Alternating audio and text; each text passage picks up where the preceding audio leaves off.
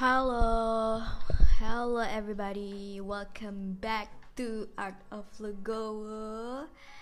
Um, apa kabar yang dengerin uh, pagi ini di tanggal 28 Desember? Aduh, udah nggak kerasa tanggal 28 Desember kurang dari 72 jam lagi kita akan memasuki tahun 2021. Semoga tahun depan menjadi tahun yang lebih baik tentunya dari tahun yang amat sangat depresi tahun ini ya mungkin buat gue aja kali ya. Nggak tau lah. Nggak tau. Nggak sih gue gue gue I'm fine I'm fine. Nggak nggak susah depresi ya Allah oke. Okay. apa kabar? Semoga baik ya tadi. Udah gue udah ngomong kayak sumpah ngesel ngeselemat iri.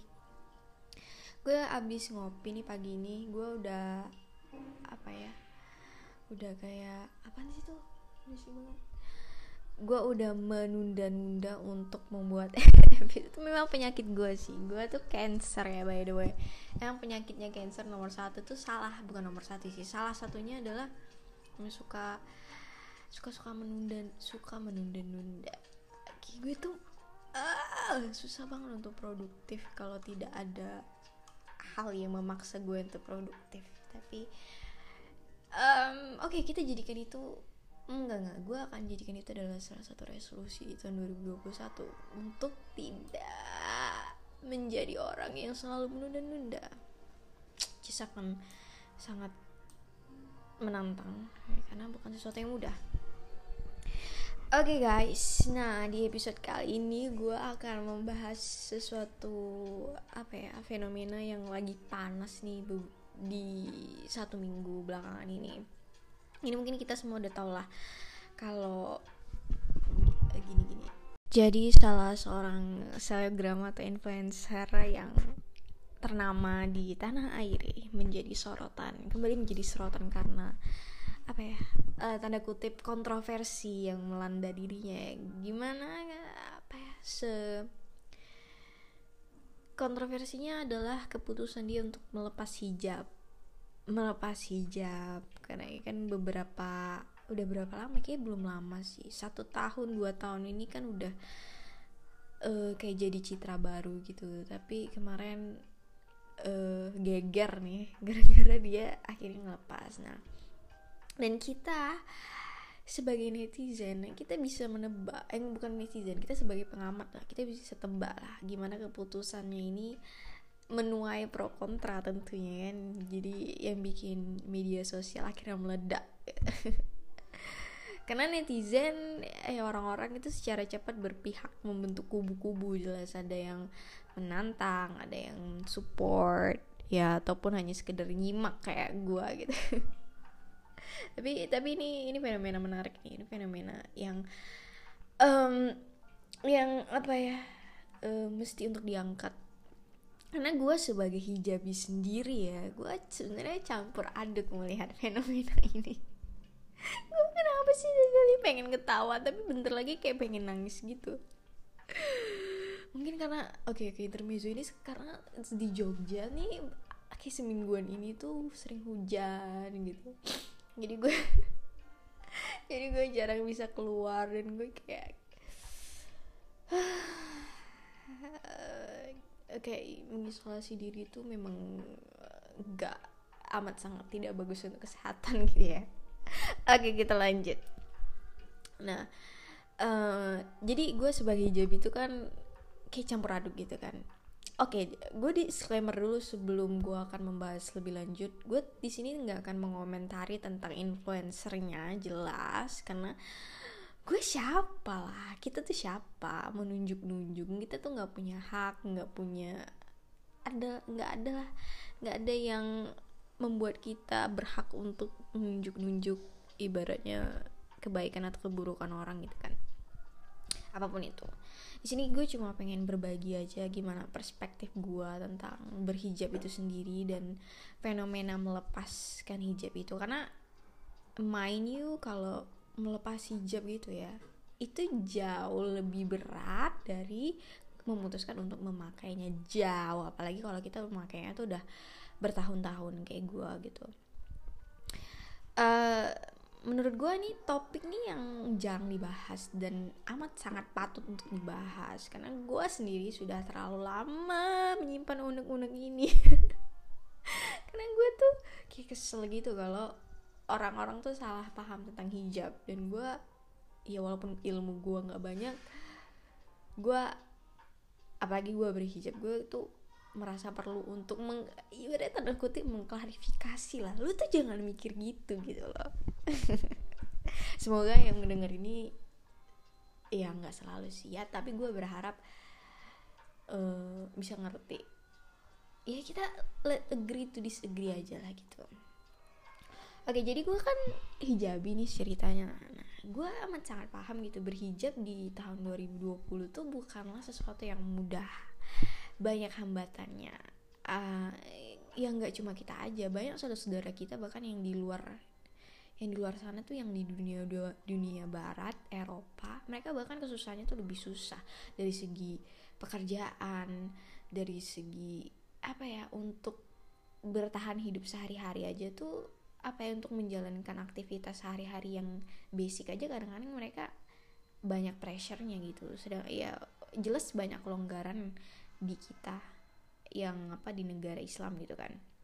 Oke dari segi pekerjaan. Mungkin kalau kita dari social pressure ya untuk fit in beauty standard gitu kan. Kayak kita tuh tanda kutip harus dituntut untuk selalu terlihat cantik terlihat flawless. Ya, ya walaupun kita ini udah jadi rahasia umum kalau itu tuh cuman dipenuhi dengan filter. Kita jelas tahu itu filter tapi itu tidak tidak menjadi alasan untuk kita tidak menjadi insecure gitu kan.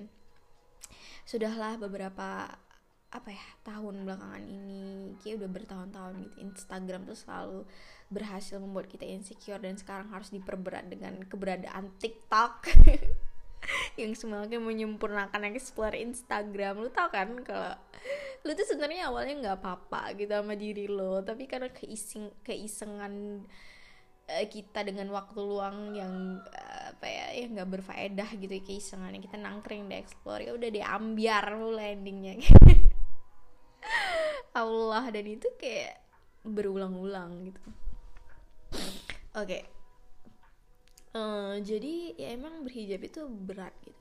Gue gue sering dengar gitu ya. Kayak misalnya ada ada hmm, kajian atau ceramah. Gue kan sering dengar cuplikan-cuplikan gitu. Perempuan mengenai perempuan yang membahas tentang perempuan berhijab gitu. Eh, maksudnya ya gue tau lah yang ngomong itu kan pasti orang yang berilmu. Cuman hmm, ya lu it, gue nggak tahu rasanya.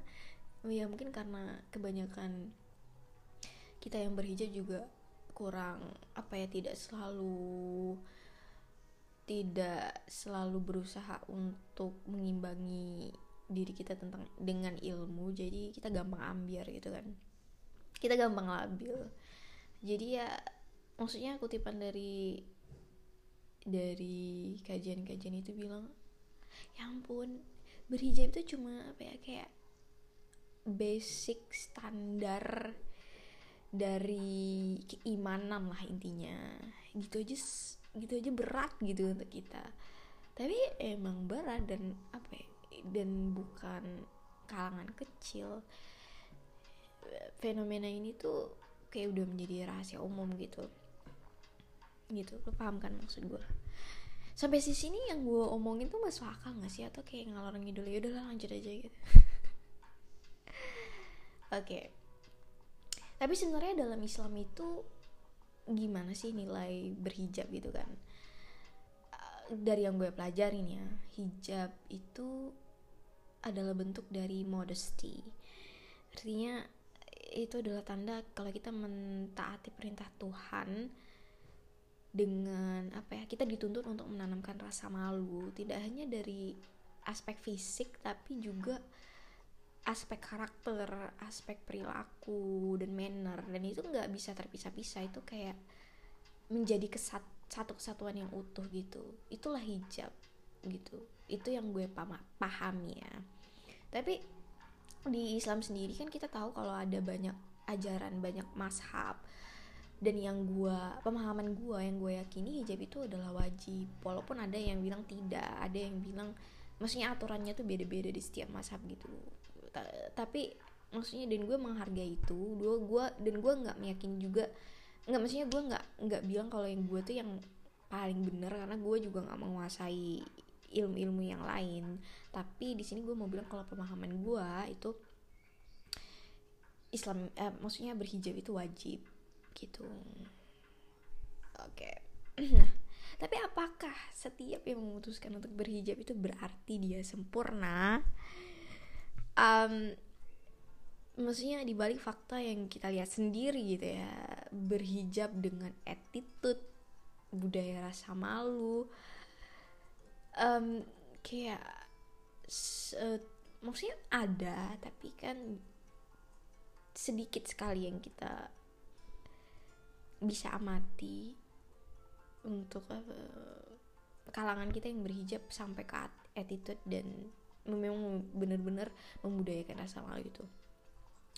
Karena yang jadi masalah sini yang menjadi masalah di sini bahkan beberapa hijabi gitu bertingkah yang tidak sepatutnya yang justru malah kontradiktif. Ya bikin kita tuh sampai ngurut dada gitu kan. Gue gue jujur gue pun sendiri tidak lepas dari kebobrokan ini cuy. Gue sendiri gue ngerasa kalau slogan kayak uh, lo berhijab mending lo hijabi dulu hati lo baru kepala lo itu kalau diterapin nih gue rasa yang pakai hijab tuh bisa kehitung pakai jari karena ngomongin di era sekarang ya ngomongin budaya rasa malu aduh susah. Karena kita kan emang eranya craving attention banget. Peluang itu akan datang ketika kita dapat attention. Dan kalau apa ya uh, upaya kita untuk dapat attention tuh kadang-kadang mengharuskan kita untuk uh, menepikan rasa malu gitu. Jadi berat gitu lah berat untuk bener-bener membudayakan rasa malu itu tadi. Cuman cuman walaupun ya kadang kita slip up uh, dan kita sering slip up kita jadi khususnya hijabi ya. Di sini gue address khususnya hijabi. Untuk gue sendiri kita tuh kadang suka nggak inget batasan kita kadang bobrok tapi kita lebih bobrok dari yang tidak berhijab. Dan gue maksud gue di sini gue nggak bilang kalau kita yang berhijab itu harus lebih baik ya. Karena gue bisa ngeliat sendiri banyak kok yang nggak berhijab tuh justru malah mereka lebih pemalu dan lebih berakhlak which is, which is di sini tuh miris jatuhnya. Contoh kejadiannya gini deh. Um, ada juga fenomena yang mewabah di TikTok ataupun di explore Instagram fenomena keuuan. Keuuan. Gue sedih gue sedih. Gue sedih karena nih mereka karena uwu-uwu gitu ya. Uwu dan dia berhijab. Dan itu diposting cuy. Oke lalu uwu-uwu gitu. Sama pacar lu. Tapi at least lu nggak usah posting. Karena lu lu berhijab gitu loh ada lagi juga gue ngeliat uh, cewek nih berhijab tapi dia ngerokok. Oke ngerokok gue nggak ngejelasin ngerokoknya tapi dia ngerokoknya di di tempat umum gitu. Sedih gue terus ada lagi gue pernah ngeliat nih anak cewek berhijab. Terus dia motoran kayak dia dia nangkring atau dia uh, ngumpul-ngumpulnya sama anak motoran gitu dengan selengeannya gitu bajunya ketat jelas. Gue nggak menghakimi perilaku mereka sekali lagi gue cuma sedih. Gue cuma sedih. Dan uh, kita berhijab itu bukan berarti kita tinggal boleh bobrok ya. Bukan berarti kita tidak bisa menjadi diri kita sendiri. Bukan berarti kita nggak apa ya kita dituntut untuk sempurna dulu.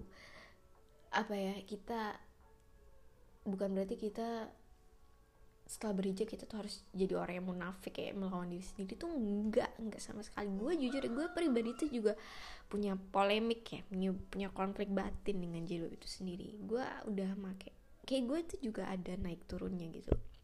Dan itu wajar.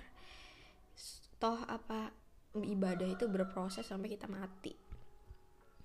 Gue sadar gue mau nggak mau itu ada kewajiban yang melekat bersamaan dengan keputusan gue untuk secara sadar nih memakai itu. Karena karena mau gue mau mau nggak mau gue tuh menjadi display display apa ya representasi Islam gitu.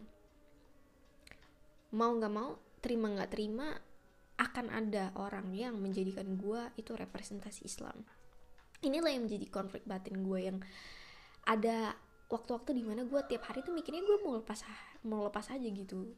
Toh gue pakai nggak pakai itu sama aja kayak apa ya, attitude gue tuh sama aja nggak ngerubah diri gue sama sekali. Gue gue gue bahkan kalau gue pakai itu gue jadi ngerasa munafik. Karena gue amat sangat benci kalau orang memandang Islam dari akhlak gue gue nggak terima karena gue walaupun gak religius gue juga belajar Islam. Dan Islam itu ajaran yang amat sangat indah yang suci yang tidak bercela. Dan dan gue amat sangat eh, apa ya nggak pantas gitu kalau gue tuh menjadi representasi Islam. Gitu. Ya yang bikin gue sedih itu ya kalau dari fenomena kebobrokan kita sebagai hijabi di sosmed di dunia nyata di dunia nyata yang yang ya real life gitu. Akhlak kita itu dikaitkan dengan Islam itu sendiri. Itu sih yang amat bikin gue sedih yang amat disayangkan. Itu pesan untuk gue pribadi dan untuk kita sebagai seorang muslim sih juga. Ataupun ada yang dengerin ini bukan muslim kali ada.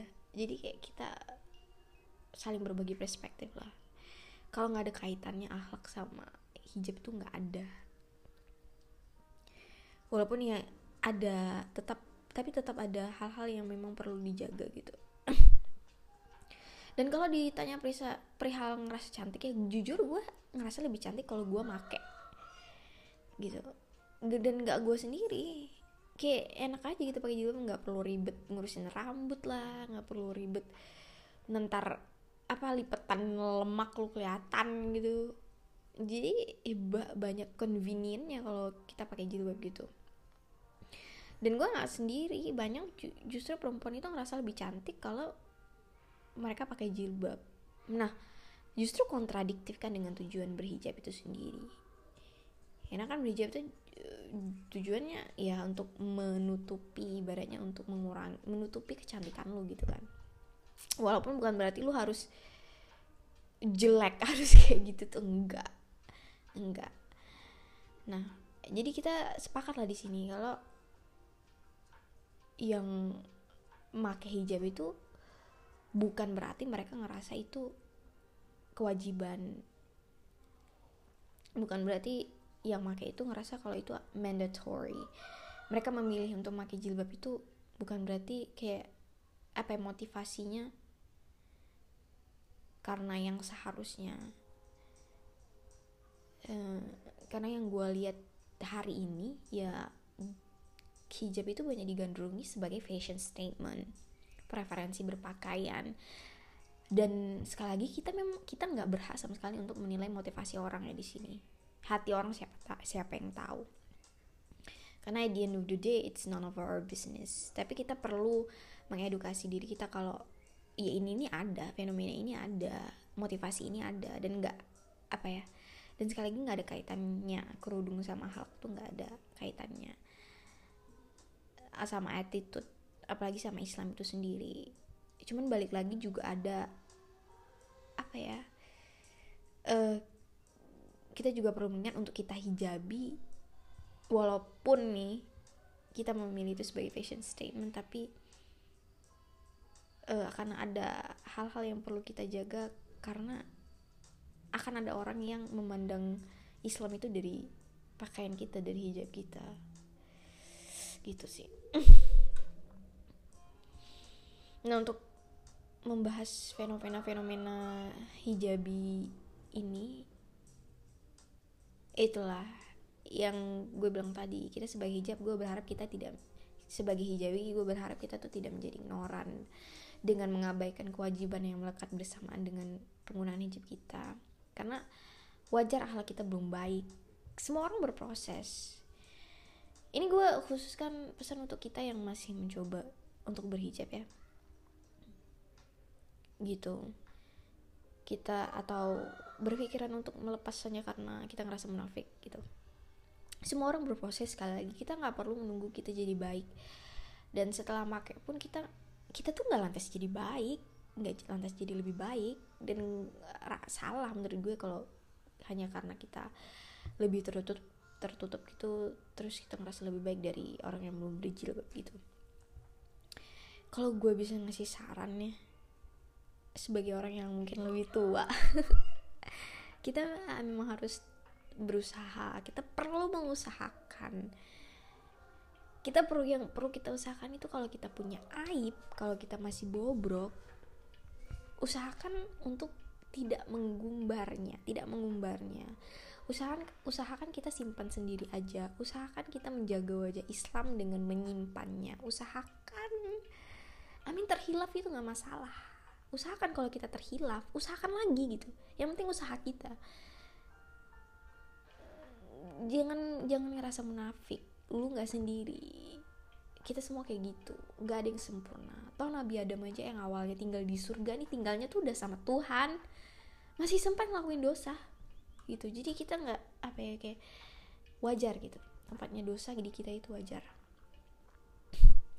Nah kalau kita ngelihat yang melepas nih. Gue sedih gitu. Karena kita muslim itu kan komunitas yang besar di Indonesia. Kita itu muslim harusnya kita menopang bukan meruntuhkan. Kita harusnya merangkul bukan mengucilkan. Karena uh, apa ya? Pasti kan ada sesuatu konflik dalam diri seseorang. Karena memutuskan untuk melepas itu berat loh. Jadi kita kalau kita kalau kita memang peduli sama dan sayang sama orang itu kalau kita dekat kalau mungkin kita untuk menasehatinya kita nasihati tapi juga ada ada apa ya ada tata keramanya.